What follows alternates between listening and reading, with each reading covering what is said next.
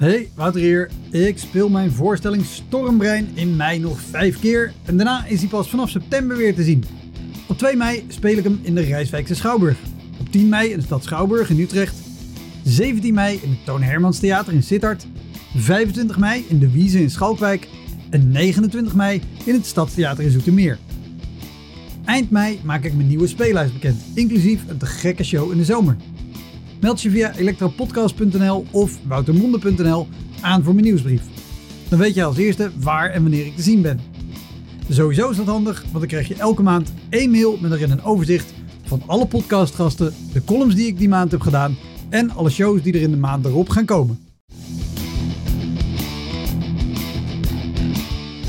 Welkom, mijn naam is Wouter Monde. Dit is de Elektra Podcast. Een podcast waarin ik met collega's herinneringen ophaal aan shows die ze liever waren vergeten. Genoemd naar het roemruchte jongerencentrum Elektra in Sliedrecht, dat ooit bekend stond als de comedy hell.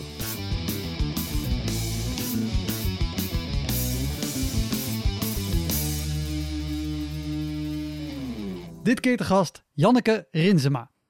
Janneke stond samen met Lisa Loep als cabaretduo Matrushka acht jaar lang op alle podia in Nederland nadat ze in 2013 de publieksprijs wonnen op het Amsterdams Kleinkunstfestival. En uh, hij, hij deed ook daadwerkelijk mee met het Tros Muziekfeest. Dus toen uh, ben ik... Uh, ik heb daar dus ook aan meegedaan.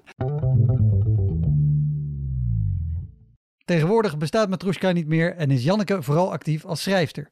Ze schrijft onder andere voor De Speld, Spijkers met Koppen en Dit Was Het Nieuws. Heel veel plezier. Dit is de Elektra Podcast met Janneke Rinsema.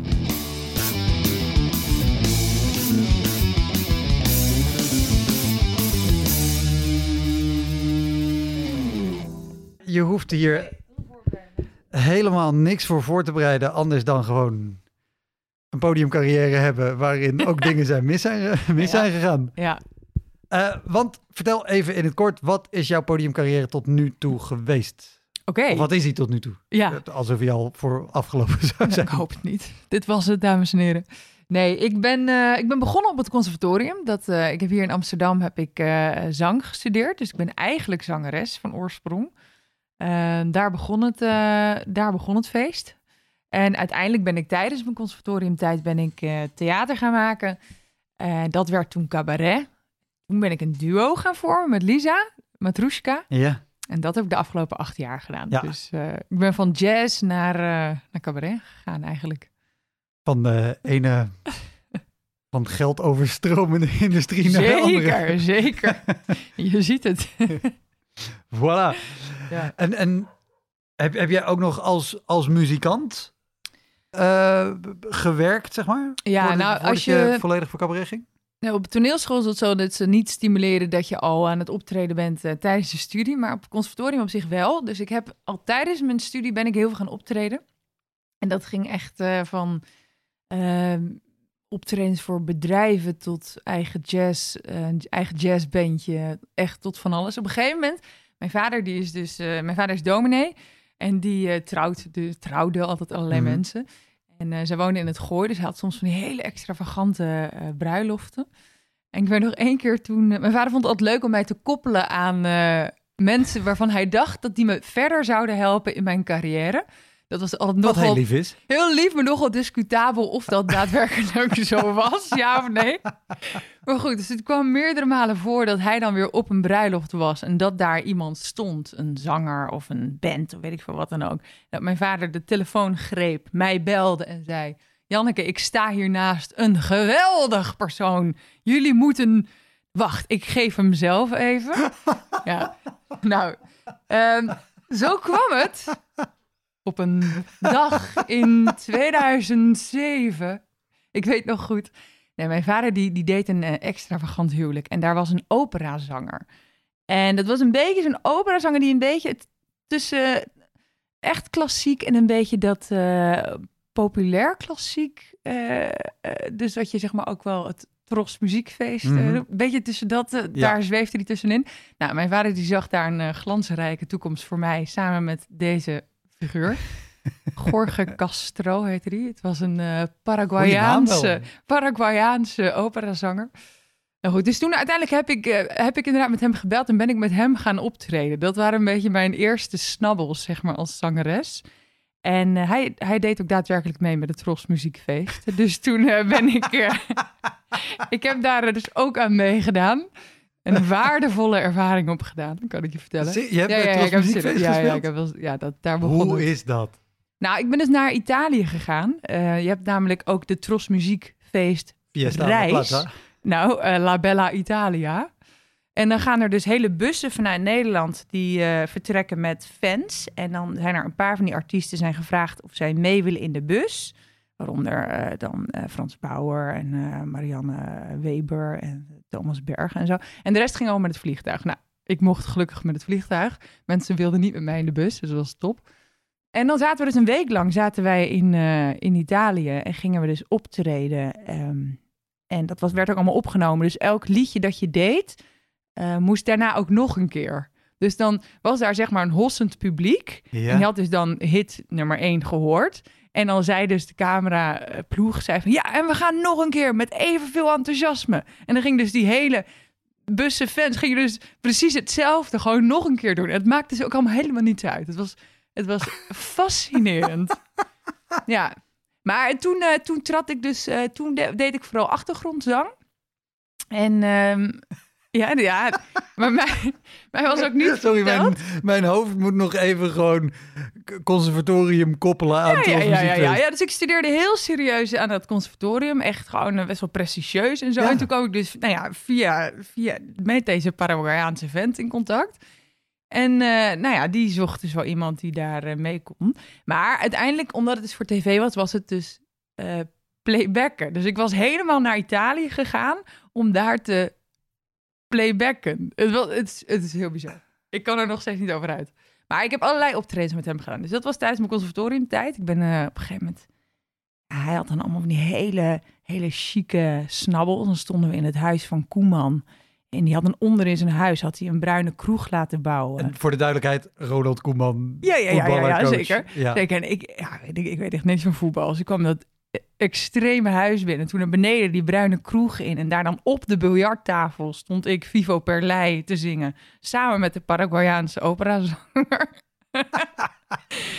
dus ja, toen vanaf toen, het was, een, het, was een kleine stap naar cabaret. Laten we het daar houden. Oh, Ja. wat, wat, wat is de... Wat, wat mijn... Opletten hoe ik, hoe ik dit zeg. Ja, We- kom maar. Nou, nee, nee, nee, nee, nee, dat, niet, dat niet. Maar meer of ik, of ik het goed formuleer. Ik heb wel eens bij, bij bijvoorbeeld bedrijfsklussen of zo... waar je eh, eh, eh, cabaret gaat doen... dat je denkt, zat ik maar in een bandje... want dan, ook al had niemand nu aandacht... dan kon ik gewoon mijn nummers zingen...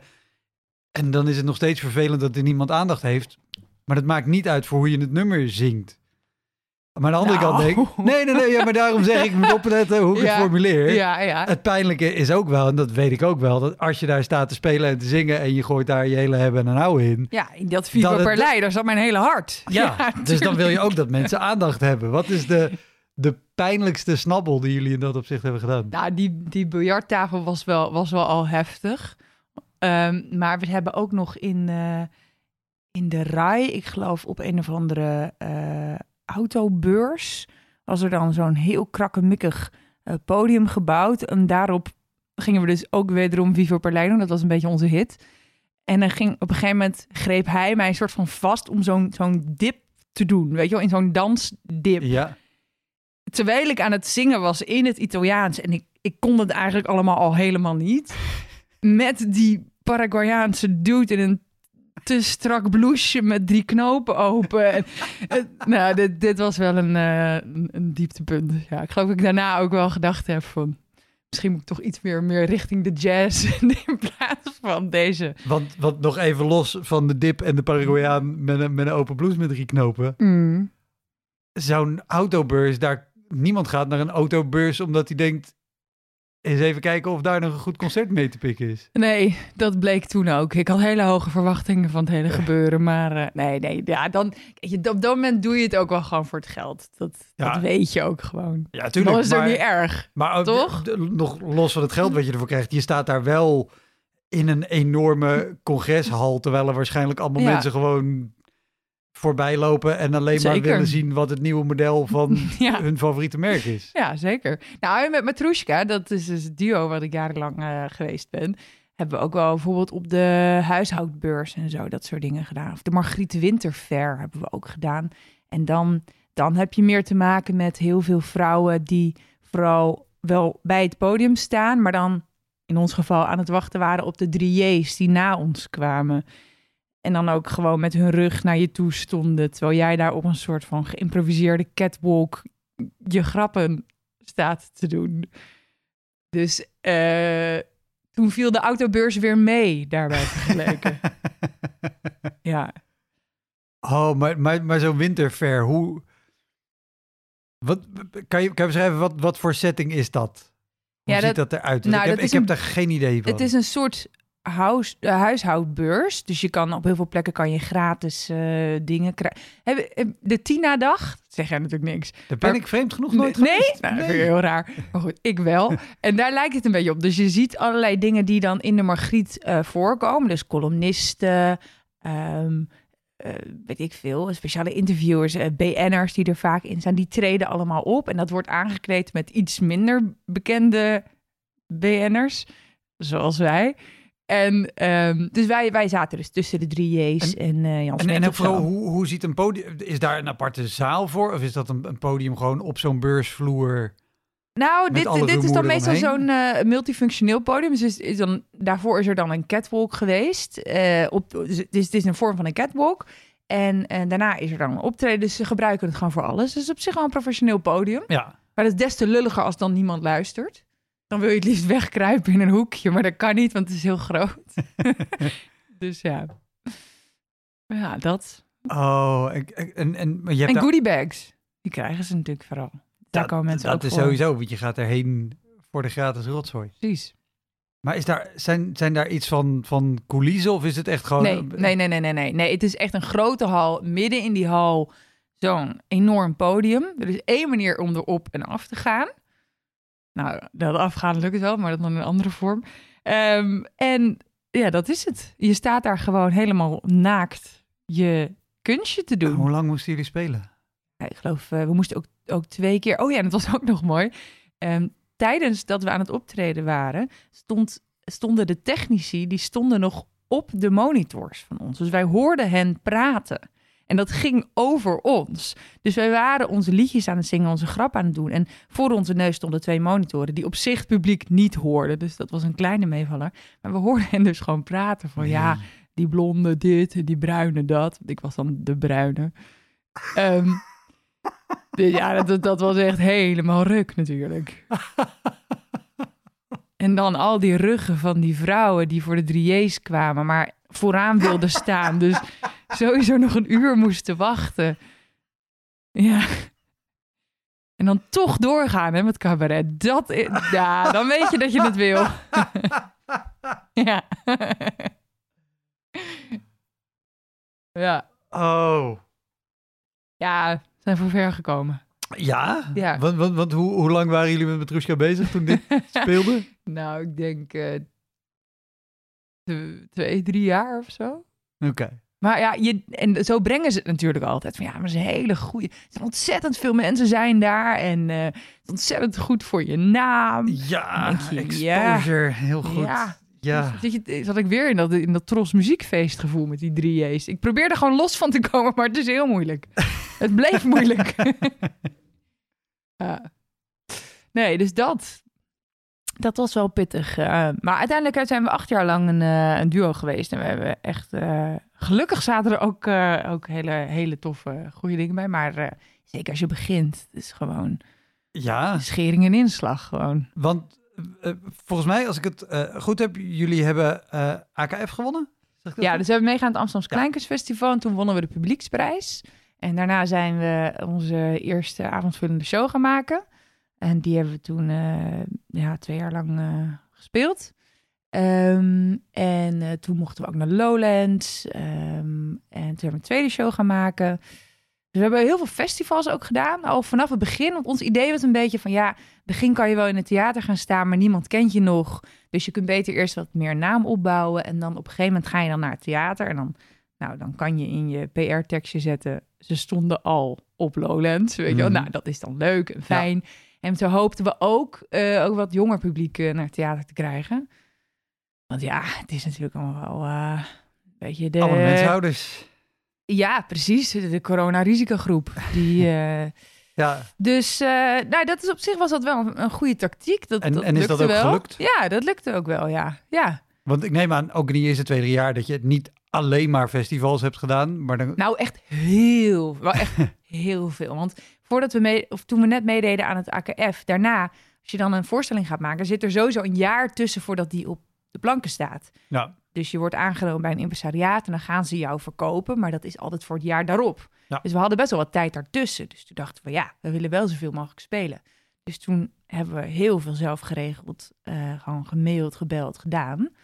Om maar te blijven spelen, om maar te blijven maken en om dat publiek eh, te blijven opbouwen. ja, Zodat als we dan gingen spelen met onze eerste voorstelling, dat het wel een beetje vol zat. ja.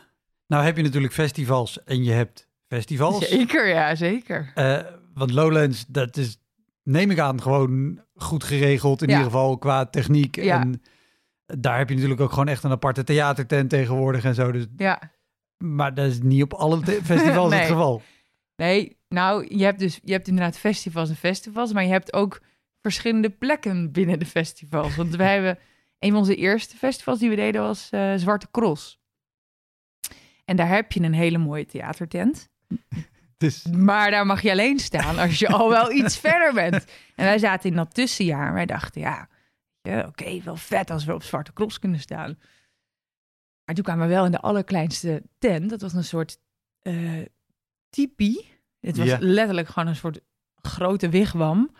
En daar pasten denk ik eh 40 mensen in of zo. Op van die bierbanken. En Ja. dan stonden wij voorin ons ding te want doen. die staat wel apart op de, op de... Dat is een theaterwij volgens mij zelfs, toch? Ja, toen, toen stond dit nog gewoon midden op het terrein. dit is zo lang geleden. Dit was gewoon links werd gemotorcrossed. Dan had je ineens een tipi en dan rechts stond... Je, dus het was, het was vrij random. Dus mensen kwamen ook gewoon ineens binnen. En het nadeel ook was dat als je eenmaal binnen was... kon je alleen maar aan de ene kant eruit. Er was maar één uitgang. Dus als wij, toen wij eenmaal binnen waren, konden we niet een coulisse in... Of, of stiekem nog weg, of weet ik veel wat. Nou ja, dus wij, eh, en wij hadden toen een voorstelling over twee Russische internetbruiden. Dat, daarom heten we ook Matrushka. Zo is het allemaal een beetje begonnen. Dat leek ons, leek ons grappig. We dan twee van die eh mail-order brides waren die in Nederland aangekomen waren. En hun kijk op Nederland. Ja. Oké, nou. Ehm, maar goed, dat, dat gaat natuurlijk... Dus we hadden ook bruidsjurken aan. Dus wij liepen naar die tipi toe. En is natuurlijk 70, 80 procent van de bezoekers van Zwarte Cross is man. En Niet nuchter. niet nuchter. Zeker niet. En die zagen dus twee vrouwen in bruidsjurk naar een wigwam lopen. Dus die dachten, "Eh, daar moeten we heen. Nou, het voordeel was wel, het zat heel vol. Er zaten meer dan 40 mensen. En wij deden dit dan eh, drie keer op een dag. Ehm, en dan deden we onze voorstelling over die twee internetbruiden. Maar die gasten, die waren natuurlijk echt super lam, inderdaad. Dus ik weet dat we net begonnen waren. En toen werd er al, eh, daar moet een piemel in, ingezet. En wij stonden dus in die wigwam en we konden dus ook geen kans op. En die gasten, die, die stonden op een gegeven moment op die bierbanken gewoon te scanderen. Daar moet een piemel in. En dan sta je daar in je bruidsjurk. Ja. Ja, dat was, ja, het was de hol van de leeuw was dat. En toen dachten we, shit, wat moeten we nu doen? Op een gegeven moment kwamen er ook een paar van die, ja, van die gasten die kwamen op het podiumpje staan. En die wilden dan selfies met ons maken en een zoen op, nou, niet op de wang geven. En super lam. Nou, uiteindelijk, zij had, wij hadden natuurlijk microfoons en zij niet. En toen zijn we maar gewoon een soort van grappen gaan maken om hen een beetje op hun plek te zetten. Nou, dat werkte redelijk. En toen op een gegeven moment heb ik toch weer een beetje ben ik gaan graven in, eh in Bella Italia verleden. En toen ben ik een soort Polonaise in gaan zetten. Waarmee ik ze dus allemaal die tent uit heb gekregen. Dus ik dacht, ik doe gewoon, we doen gewoon de Polonaise. En dan doen wij een soort van mee achterin en voor in de rij. En zodra ze allemaal naar buiten zijn, dan sneaken wij weer snel Oh, wat terug slim. naar binnen. Dus dat was eigenlijk uiteindelijk de, de reden waardoor het, eh, Waardoor de grootste lastpakken weg waren. En toen hebben we het toch nog af kunnen maken. En, maar, en zat daar verder nog Er zat nog iets van normaal publiek verder, ja. dat? Neem ik, wil ik zeggen, zat er nog iets van techniek bij of iets van organisatie? Want ik kan me ook wel voorstellen dat je, als je met z'n tweeën bent en dat is acht jaar geleden, ben je ook nog een stuk jonger, Ja. dat het ook best wel gewoon is bedreigend kan ja, zijn, zo'n heel. hele groep dronken Mongolen. Ja, zeker. Dat was super intimiderend. Maar er was een technicus, maar die had, die, ja, zoals het dan ging, die, die sluit het dan aan en daarna ging die weg. Want dan moest hij, weet ik veel, naar een andere wigwam of zo. Ik heb geen idee wat hij moest doen. Maar die was dan weg. Dus ja, het was wel, eh, ja, daar sta je dan. Nee, dat, dat was zeker pit. Maar toen hebben we daarna refereerden we ook altijd aan dat optreden van, nou ja, we hebben voor hetere vuren gestaan. We hebben dat overleefd, dus dan kunnen we dit ook wel. Ja. Dus het was ook een soort. eh, ja, was dat, was wel, dat was wel een enorm dieptepunt. Maar toen wisten we ook, oké, dat, dat hebben we gered. Ja, en dan ga je het jaar daarna, dan heb je al die shows gehad, dan ga je het theater in. Ja. Nou, rustig joh. Stil, aandachtig. Dat kan dus ook, wat lekker. ja, een verademing was dat, ja. Niemand echt dronken, niemand echt aan de pillen. We ook een keer gehad. Op Solar speelde. Dat is zo'n festival eh, bij Roermond. Ja, Dance Festival. Ja, of- precies. ja. En hadden ze dan ook een theaterstuk. Ehm, met een, eh, een soort grote circus tent was dit dan in dit geval. En daar was het publiek was echt fantastisch stil. Die waren echt in een soort... Oh, die zaten naar ons te kijken en te luisteren van... Wauw, zo mooi. Wow. Dacht, dit was, dit is acht jaar geleden. Wij waren ook nog iets naïver. Zij dachten, nou, dit is echt ideaal publiek. Die waren allemaal echt zo stoned als een garnaal natuurlijk. Allemaal helemaal aan de M of aan de shit, weet ik voor wat. Maar die waren wel heel lief.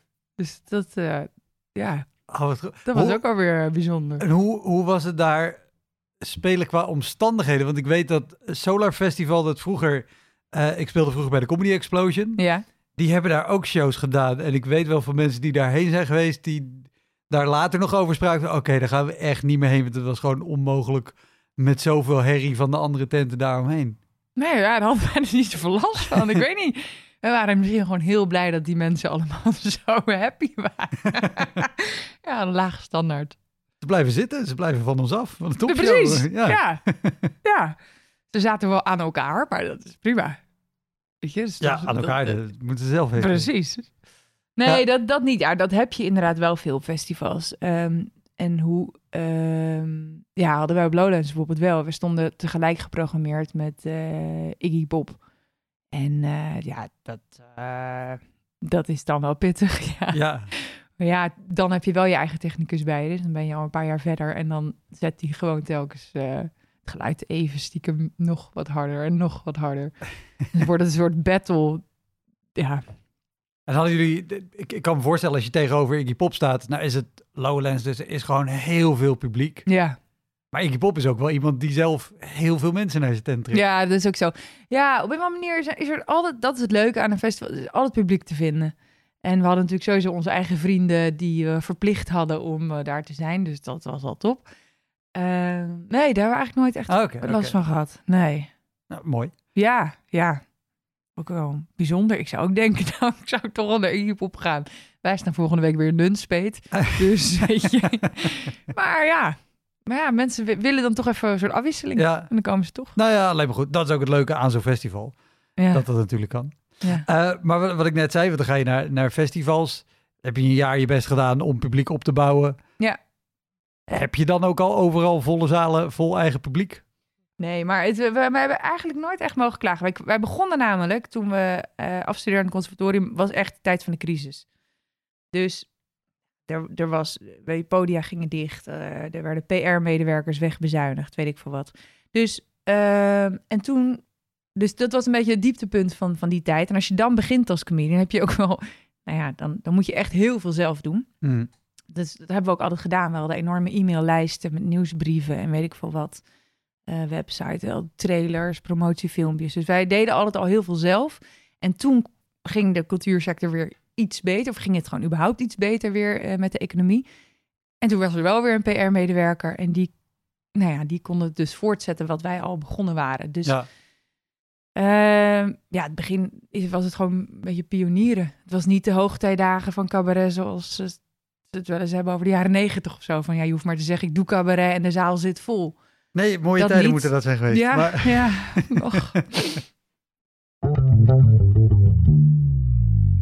Hey, Wouter hier. Ik speel mijn voorstelling Stormbrein in mei nog vijf keer. En daarna is hij pas vanaf september weer te zien. Op 2 mei speel ik hem in de Rijswijkse Schouwburg. Op 10 mei in de stad Schouwburg in Utrecht. 17 mei in het Toon Hermans Theater in Sittard. 25 mei in de Wiese in Schalkwijk. En 29 mei in het Stadstheater in Zoetermeer. Eind mei maak ik mijn nieuwe speellijst bekend, inclusief een te gekke show in de zomer. Meld je via elektropodcast.nl of woutermonde.nl aan voor mijn nieuwsbrief. Dan weet je als eerste waar en wanneer ik te zien ben. Sowieso is dat handig, want dan krijg je elke maand één mail met erin een overzicht van alle podcastgasten, de columns die ik die maand heb gedaan en alle shows die er in de maand erop gaan komen. Ja. Ja, eh, maar je zei al, eh, wij staan volgende week in Nunspeet. Jullie hebben volgens mij behoorlijk uitgebreid getoerd. Dan kom je ook wel op dat soort. Ja. ja, zeker. We hebben, want zeker als je dan weer gaat try-outen met een nieuwe show, dan ga je toch wel weer gewoon naar de echte kleine plekken. Dus dan heb je daarvoor net een tour gedaan met een reprise in echt wel hele mooie zalen. En dan moet je weer even terugschakelen naar de try-out plekken. Ehm, we, we, we deden ook huiskamerdingen. Wij deden echt alles als we dan gingen eh try-outen. We dachten dat als het een huiskamer overeind blijft, dan blijft het uiteindelijk met een paar lampen erop en een decor eh, al helemaal overeind. daar Eh, zit dus het in. dat- Ja, dus, dus eh, daar waren wij niet, niet vies van. Maar soms kom je op plekken dat die, de- waarvan je denkt dat het geen huiskamer is, maar dat blijkt het wel ervan te zijn. Je hebt één plek in, misschien ben je daar ook wel eens geweest, in Nieuwkoop. Het Rechthuis. Nee, Nou ja, zeg me niks. Nee, nou ja, dat is een soort. Het is dan een soort verenigingshuis. Annex galerie, annex pottenbakker. Al- iedereen doet er alles wat met kunst te maken heeft, gebeurt dan op die ene plek. Ja, En dat wordt dan ook allemaal gerund door eh, vrijwilligers natuurlijk. En door zo'n bestuur en zo. En toen hadden we wel, toen stonden we backstage en was een van de eerste try-outs voor de nieuwe voorstelling. En toen eh, was er een vrouw die zei: Ja, ik ga jullie wel even inleiden. Dat, dat doen we hier altijd. Nou, dan wilden wij dat altijd liever niet, want je weet maar nooit wat er dan komt. Maar goed, we konden er niet omheen. Het moest en zou gebeuren. En toen ging deze vrouw, die zei: eh, Nou, eh, fijn dat jullie er allemaal zijn, publiek. Ehm, wij laten we, ik wil eerst graag even stilstaan bij toch wel het moeilijke overlijden van onze Annie. Onze Annie. 68 jaar, botkanker. Nou, en echt de hele chemokuur na chemokuur werd doorgenomen. En wij stonden daar in die coulissen van, what the fuck gebeurt hier? Sorry Annie, ik lach niet meer. Annie, nou, Annie, may she rest in peace. En wij stonden daar zo van, wat, wat? En toen zei ze van, nou, laten we nog even een minuut stil zijn voor Annie. Men was een minuut stil. En dan gaan we nu naar Matrushka. Geef ze een applaus. Oh. nou, succes. Ja, dat was. Toen hebben we daarna ook gezegd: wij gaan ons nooit meer laten aankondigen. Dit, dit is wel. Dus ik denk dat we ook wel een beetje bekend stonden met mensen die heel erg soort van de control freakerig waren. We dachten, ja, alles beter dan dit. Ja, maar dit, dit is de... Ik snap het wel dat je, dat je denkt, oh, maar we komen over als control freaks. Maar het is wel juist om dit te voorkomen, Ja, omdat mensen niet...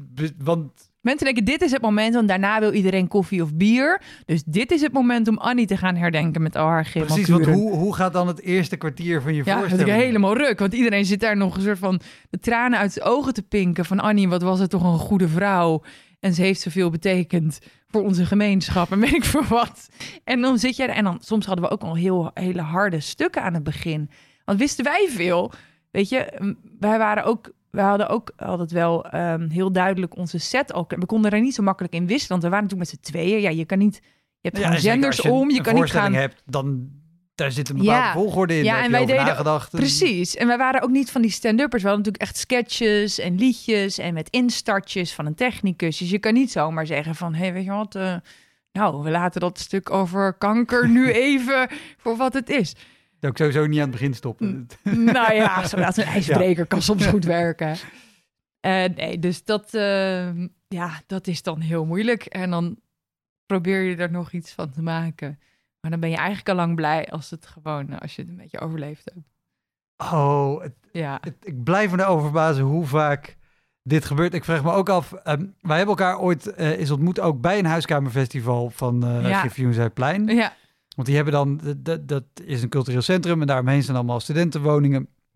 En dan hebben ze ook één keer per jaar een, een festival in de huiskamers van al die studentenwoningen. Nou, hartstikke leuk. ja een soort Stukafest. Ja, een Ja. soort stukkenfest, maar dan gewoon in één stad. En eh, Ja. dat ding. En, en volgens mij is het bij Griffioen ook echt alleen maar cabaret. Ja, Er ja, ja. Geen, ja, eh, klopt. Geen Ja. bandjes en eh, dat soort dingen, wat bij Stukkenfest nog wel die afwisseling is. Ehm, maar ook vanuit Griffioen is, is in samenwerking met Griffioen één keer per jaar een eh cabaretavond, een benefiet voor artsen in Tibet. Oh ja. Hebben, ja. jullie die ook gedaan? Ja, ja je, gaat weer, je gaat weer eens dagen, ja. ja. Hmm. Maar ik weet het niet. Weet je, je doet op een gegeven moment ook... Zeker in zo'n begin, je denkt bij alles oké. Op een gegeven moment wel gezegd, we gaan niet meer dingen gratis doen. Dat was wel zo'n moment dat we dachten, ja, dan kan je echt... eh, dus we hadden dan op een gegeven moment, nou, we willen minimaal 300 euro met z'n tweeën krijgen of zo. Dat was dan een beetje ons eerste stapje van, eh, nee, we verdienen dat. Ja, ehm, Is er, wa- was er één show die er echt voor heeft gezorgd dat jullie zeiden, oké, nu gaan we gewoon op onze strepen staan. Nee, maar ik denk dat het ook wel kan, want we hadden alle twee conservatorium gedaan. En dan heb je ook wel zoiets van, ja, we, we zongen ook veel, dus we hebben gewoon gestudeerd om dit te... Het voelde ook logisch. We hadden tijdens onze studie al heel veel betaalde optredens gedaan. Dus het was... Het voelde ook logisch om... er- Ja, een beetje gek. En cabaret was dan natuurlijk nieuw. Maar we hadden niet zoiets van... Goh, zouden, zouden mensen ook misschien Ja. een keertje iets voor durven... te- weet je wel, we dachten wel... Ja, als je 19 meer gaat zo'n opleiding doen... dan denk, je- hoop je dat je er ooit van kan gaan Ja. leven. Dus dan moet je een keer die stap zetten. Nou ja, je weet dan ook wel, hey, ik heb deze opleiding gedaan, ik weet echt wel wat ik kan en wat ik waard ben. Ja, ja. En natuurlijk, de overstap naar cabaret was in die zin wel eh, spannend. Maar we gingen eigenlijk een beetje van muziek naar muziektheater naar cabaret. Dus Ja. dat ging vrij geleidelijk. Eh, nee, het was niet één moment. Nee, oké. Nee. Dat had gekund. Overigens, de, de reden dat ik, dat ik over die, die benefiet voor Tibet Ja. eh, zei, die hadden ook altijd namelijk aan het begin eh, even een filmpje over het goede werk wat ze deden. Maar dat, dat was dus altijd een collage met allemaal kinderen in ziekenhuisbedden met slangen. Oh ja. ja. Super aardige mensen, hele leuke show verder. Maar, oh, ongelooflijk. ja. En wat, wat is de, want je zei al, we hebben veel huiskamers gedaan. Wat is daar de, de lastigste huiskamer in geweest?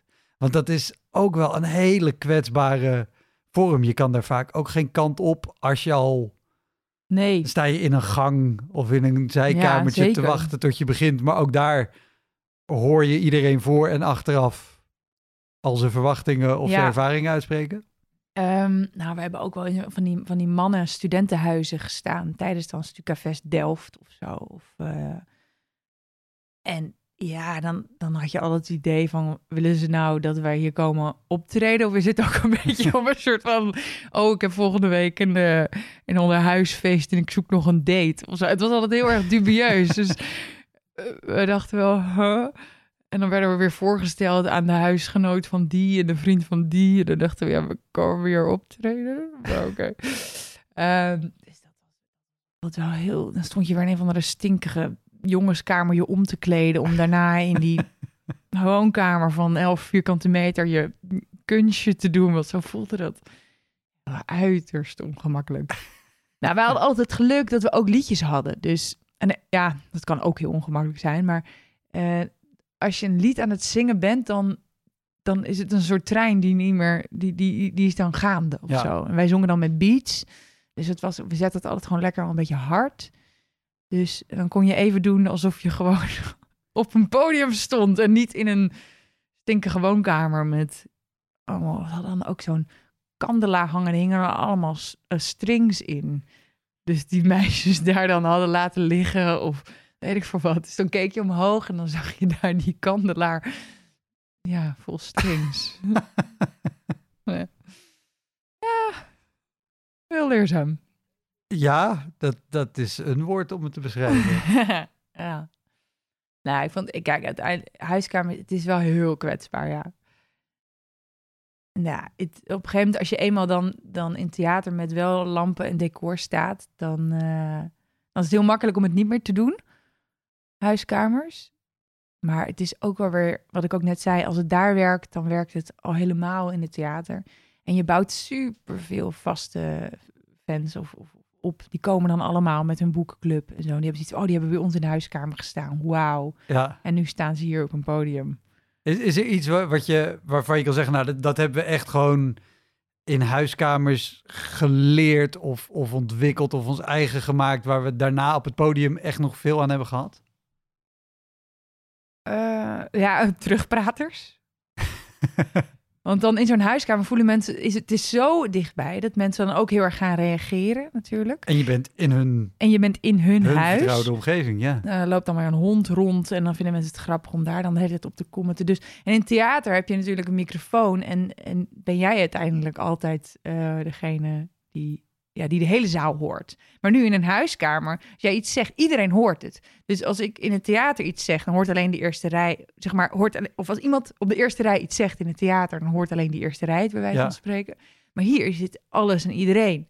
Dus je leert wel heel erg goed mensen een soort van, ja, van repliek te, te dienen. Want je moet wel, je kunt niet iets negeren. Nee. In zo'n huiskamer. Alles, je moet alles meenemen. Uh, dat hebben we wel heel erg geleerd, ja. We, weet, je, weet je nog een, een specifieke terugprater te herinneren of eentje die er. Nou, wij, wij deden, we hadden ons, in onze eerste voorstelling hadden wij uh, speed dates. Dus dan hadden we een beetje een soort van de, de gimmick dat we dan een, een stoel tegenover iemand op de eerste rij zetten. En ineens zat diegene dan in een speed date met jou. En, jou, en de jou was dan een personage. Dus dat uh, natuurlijk altijd een twist in of zo. Maar diegene had eerst zoiets van, wat, wat gebeurt er? Dus het was letterlijk gewoon een scène met diegene op de eerste rij. Um, en dat was natuurlijk heel spannend, want je kon niet uit je rol stappen.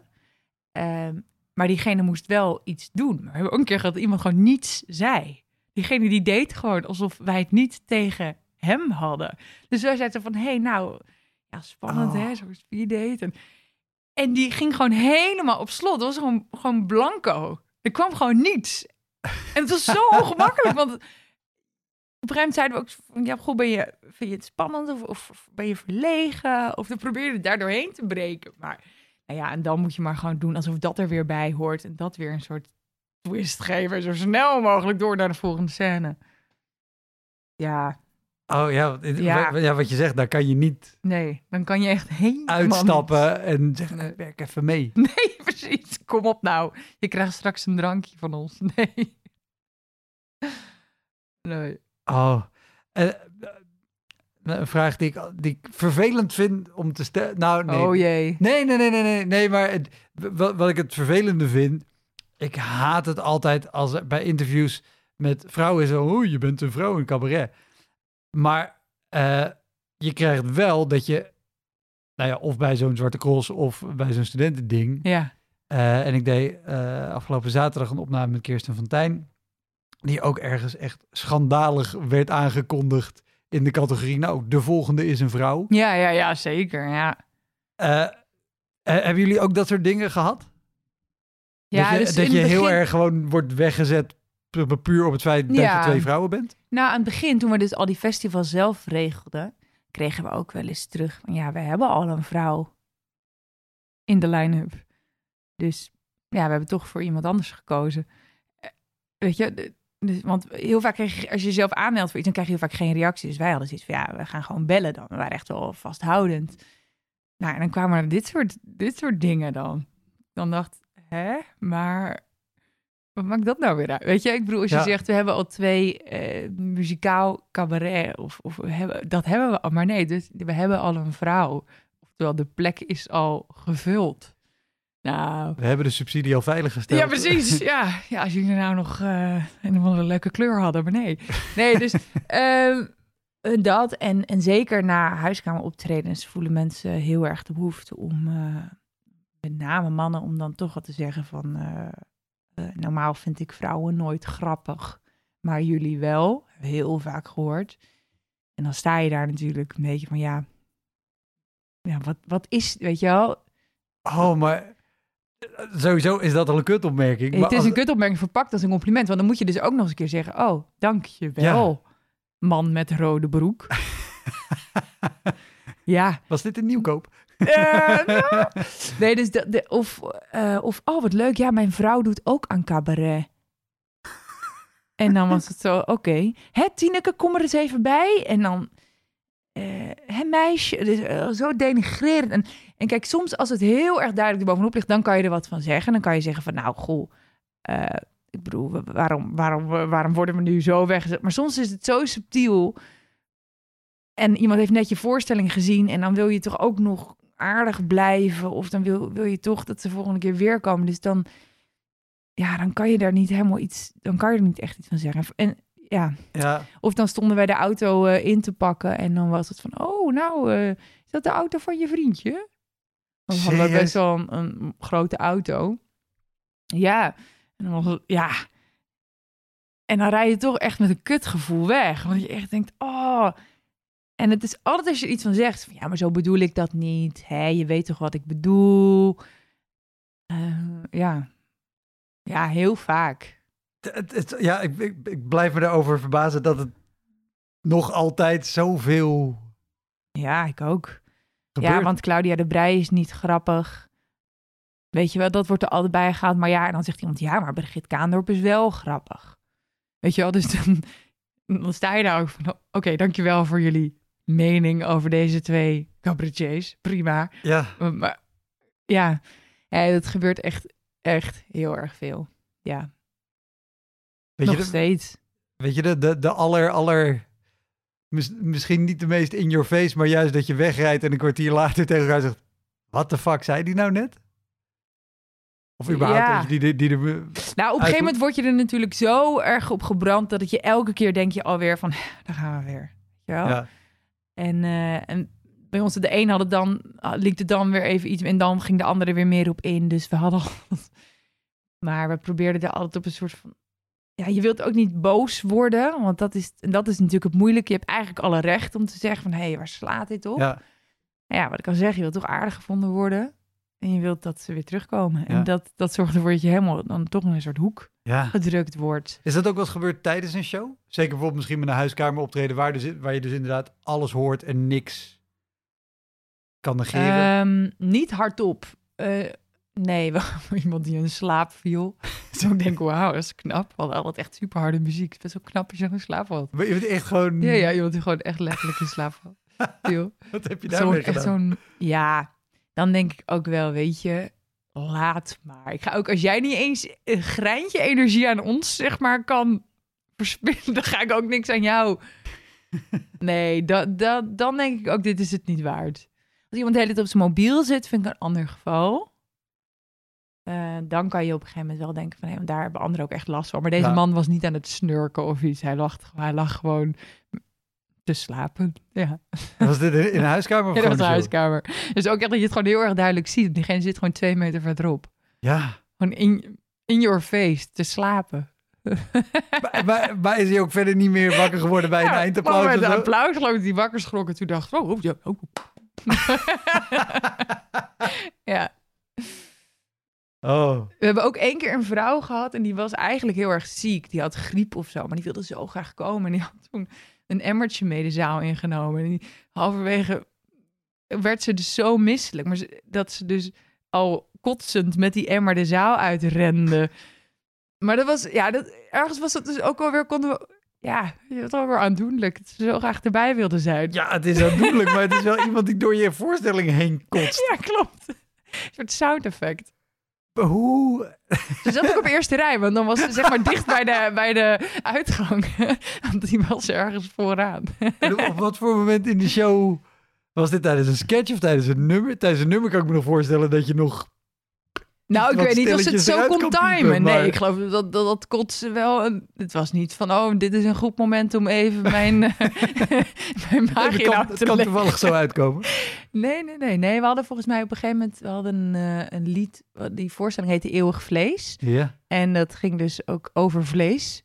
En volgens mij vond ze het op een gegeven moment gewoon, kon ze het gewoon letterlijk niet aan, omdat het zo ranzig was. Dat ze gewoon, dat was helemaal niet, het was geen ranzige voorstelling, maar ja, het ging over, eh, oh ja, het was een requiem voor de ehm, eh, gedode dieren. Dus ze van eh, de, de, eh, de kalfskroket, maar dan gemaakt van alle ingewanden. Weet je, dus we bedanken het kalf, we bedanken iedereen voor zijn leven, dat het ons, dat het ons heeft gevoed en ons weer verder heeft gebracht. Nee, dat was geloof ik iets te veel voor deze vrouw met haar griep en haar kotsemmer. Is er teruggekomen? Eh, ja, weet ik eigenlijk niet eens meer. Die emmer in ieder geval niet. Maar- Gelukkig. Maar ook, wist... Had, had iemand van het theater gezegd van... Hé, hey, er zit straks iemand op rij 1 met een emmertje. Nee, nee, nee, nee, nee, nee, nee, nee, nee, nee. Want dan kom je op en dan zit er dus opeens iemand Ja. voor je neus met een emmer. Nou ja, we hebben ook wel eens gehad dat er. ehm, eh, dat, want er moest, eh, ja, er moest altijd ruimte gemaakt worden voor rolstoelen, natuurlijk. En het ene theater kon dat wat makkelijker dan het andere theater. Dus soms was dat gewoon het derde rij aan de zijkant. Maar soms kon dat ook alleen voor het podium. Dus we hebben ook wel eens gehad dat de hele eerste rij bestond uit rolstoelen. Dus ja, en dan hadden wij. En, en dan kom je op en dan zie je ze. En maar dat kon echt verschillen tussen, tussen een man die eh, blind was. eh, tot iemand die ongeveer. Nou, redelijk licht kwijlend daar eh, in die rolstoel zat. Dus ja, en dan hadden we dus die speed dates. Ja. Dus, en dat moest met iemand op de eerste rij. Want dat. Nou ja, dat is allemaal zo uiterst ongemakkelijk. Oh, en ook... Kijk, natuurlijk fantastisch. Iedereen moet lekker naar het theater komen als hij wil. En ook in zijn rolstoel komen Ja, als hij wil. Maar een eer, hele eerste rij was er gewoon. Maar ja, pre- precies. Want dat, is, dat, dat wilde ik vragen. Beschrijf even wat het, hoe het is. Weet je, als jij het podium opkomt. Je staat in de coulissen, je komt op en je ziet dat, dat dat de eerste rij is. ja. En dan weet je al gelijk, oh kut, die scène komt er met die speed dates. ja. Als je, eh, weet je bijvoorbeeld, net als bij mij met stand-up, misschien iets met publiek wil doen, dan weet je ook als, oké, eerste rij kan lastiger worden. Natuurlijk zitten ook genoeg mensen in de rolstoel waar je prima een gesprek mee kan voeren. ja, maar je moet sowieso super voorzichtig zijn. Want ja, als je harde grappen maakt, je weet niet... Weet je, we hadden best wel harde grappen en je weet niet wat gevoelig ligt. Op een of andere manier heb ik dan toch het idee dat, ja... Als je met een rolstoel zit, dan, dan, dat ik dan nog voorzichtiger moet zijn op sommige onderwerpen. Niet op alles natuurlijk. Het gaat niet om politieke grappen of zo. Maar we hadden natuurlijk ook wel... eh, we hadden op een van die speeddates was een vrouw en die, die was dan op speeddate. Maar aan het eind van die speeddate bleek dat ze eigenlijk gewoon op zoek was naar een nier. Naar een nieuwe nier. Eh, dat was een beetje een soort van de grap van goh en hoe, eh, weet je, dan ging ze Ja. allemaal dingen vragen van drink je veel en, eh, en uiteindelijk was dan de clue het kwam dus hierop uit. Nou ja, dat, dat is niet zo fijn om dat te doen. nee. En heb je ook nog, wat ik ook wel heb gehad, is dat, dat mensen in een rolstoel prima met van alles kunnen lachen. En zeker ook met zichzelf of hun, hun Zeker, ja beperking. zeker. Vaak Maar dat de zaal harder. daarachter Precies. heel erg ja. op slot zit. Ja, want van, die denkt, wat oh gaan ze doen? Precies. Ja. En kan ik op tijd mijn lach inhouden als ik Ja. denk dat ik hier eigenlijk niet om had mogen Ja. lachen? Weet Ja, je wat? want ik die hou gaat voor de zekerheid de hele tijd maar Die gaat zich in, die gaat zich soort van inbeelden hoe het is om dus diegene in die rolstoel te Ja. zijn. Terwijl inderdaad, wat je zegt, degene die, die vaak degene die in de rolstoelen zaten, vonden het echt hilarisch. Die hadden zoiets van, ja, hoe harder, hoe beter. Weet je, ik heb alles al een keer gehoord in mijn leven ongeveer. Kom maar op met die harde grappen. Ik heb er wel zin in. En vooral ook een keer niet met fluwelen handschoenen. Nee, ook alsof dat. het een teerbeestje Precies. is, maar gewoon als een normaal ander mens. Maar de rest van de zaal, ja. Ja, dus, en dan moet je daarna nog, nou ja, vaak eh, een uur spelen of zo, weet je wel. Dus het is niet alsof je dan bijna aan het... Ja, heftig. En één keer hadden we ook een man op de eerste rij en die was blind en die had zijn blinde geleidehond mee. Maar die hond was helemaal niet rustig. Dus die hond, normaal zijn die beesten natuurlijk hartstikke... Ja, eh, ja, het is een heel goed afgetraind. ja, maar deze hond, ik weet niet of hij was nieuw of had het niet zo naar zijn zin bij die hele vet. Ik weet het niet, maar die was... Dus die zat de hele, die hele eerste rij, was ontzettend onrustig door die hond. Nou, en daar kan je daar ook niks van zeggen natuurlijk. Ja, zo zwaar, zo'n zwaar leven. Eh. Jullie zongen veel over beats. Hè? Je zei al, technicus die zetten een nummer af en toe wat harder of sowieso al lekker hard. In het begin heel erg je best gedaan om het jonger publiek te trekken dan per se abonnementhouders. Ja, Maar je komt hoe dan ook in zalen terecht waar je gewoon veel grijze bollen voor je oh neus hebt. ja, zeker. Of bij een preview of omdat je in een pakketverkoop zit met drie andere voorstellingen. Ja, Is dat altijd goed gegaan met wat jullie deden en harde muziek en, en beats en, en dat soort zalen? Nou, we hebben één keer, dat, dat is ergens in het noorden. Daar waren we geboekt. En dat was dus een heel mooi podium. Alleen dat podium was, eh, dat was, was in een eh, verzorgingstehuis. Dus ze hadden bedacht, oké, dit verzorgingstehuis, dat bouwen we nieuw. En je hebt aan de zijkant heb je allemaal appartementen. En in het midden doen we dan echt een heel erg mooi theater. En het idee is dan, dan komen dus mensen vanuit het dorp, die komen dan naar dat verzorgingstehuis om theater te zien. En dan is er dus levendigheid, reuring, weet ik veel wat.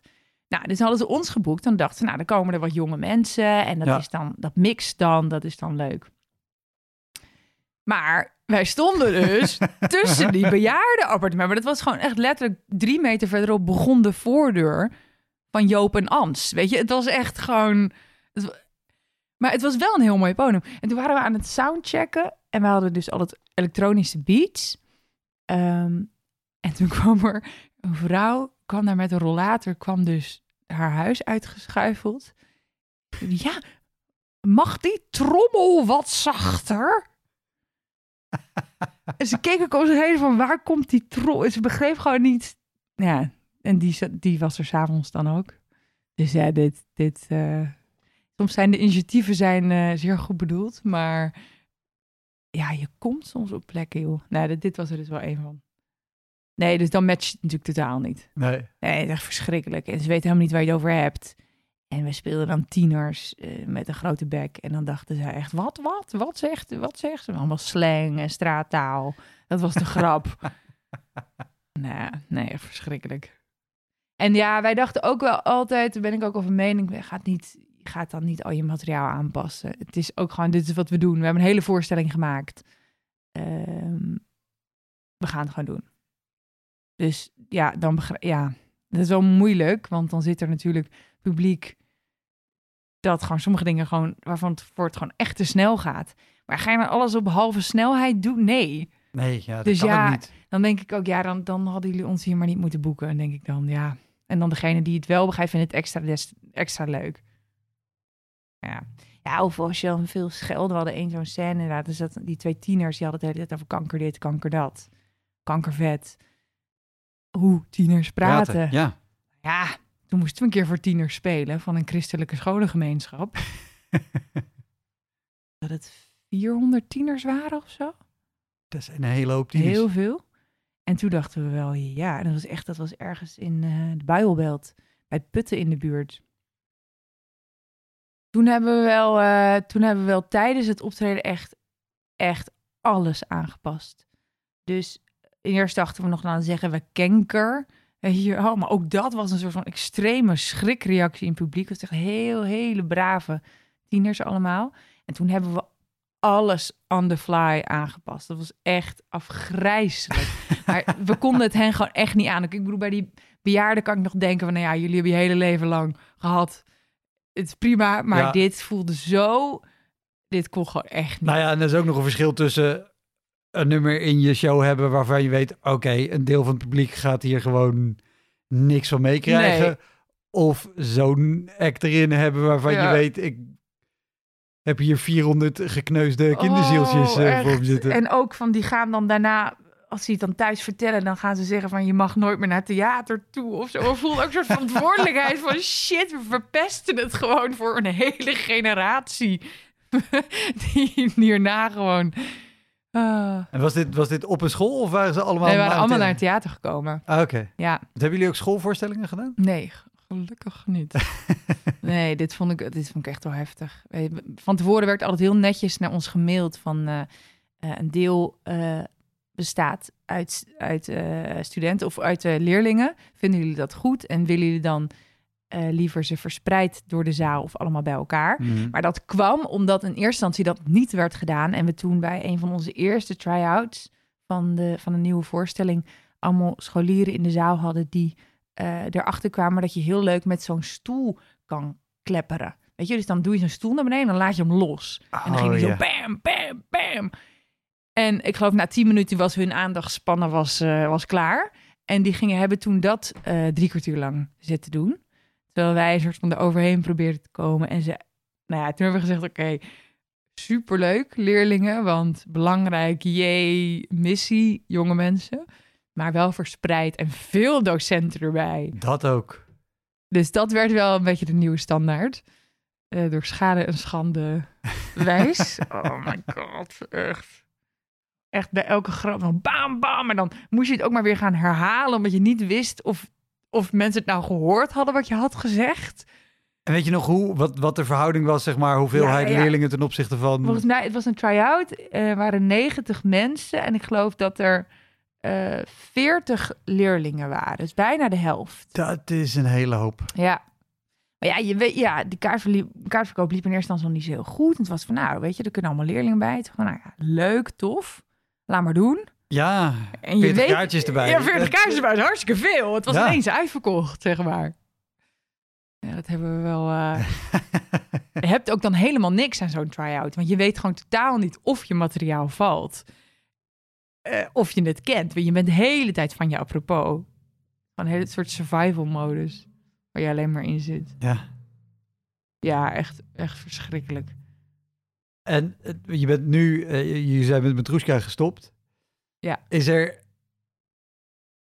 een show waar je op terugkijkt of een, of een type show of een plek waarvan je nu denkt, ik ben zo blij dat ik daar nooit meer heen hoef. Ehm, nou, ik denk dat toch, sorry nieuwkoop, maar ik denk dat dat de graftombe.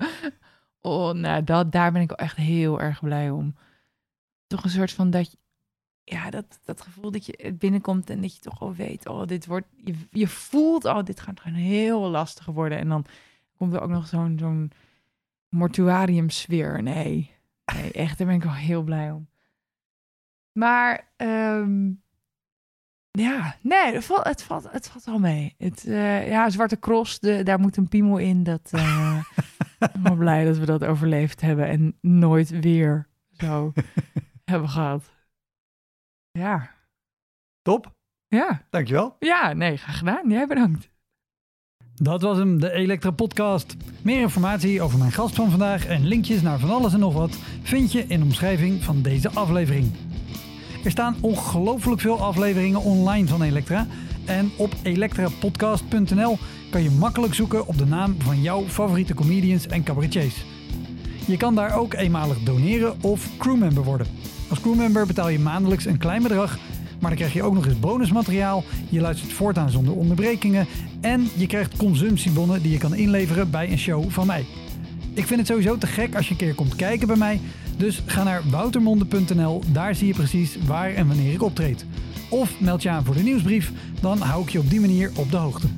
En dan nog iets, elke vrijdagmorgen doe ik een column op radiostation Kink. Je kan die column terugluisteren als podcast. Hij heet Kink op de Week en je vindt hem in de app waar je ook deze podcast luistert. Oké, tot de volgende Elektra. Hoi!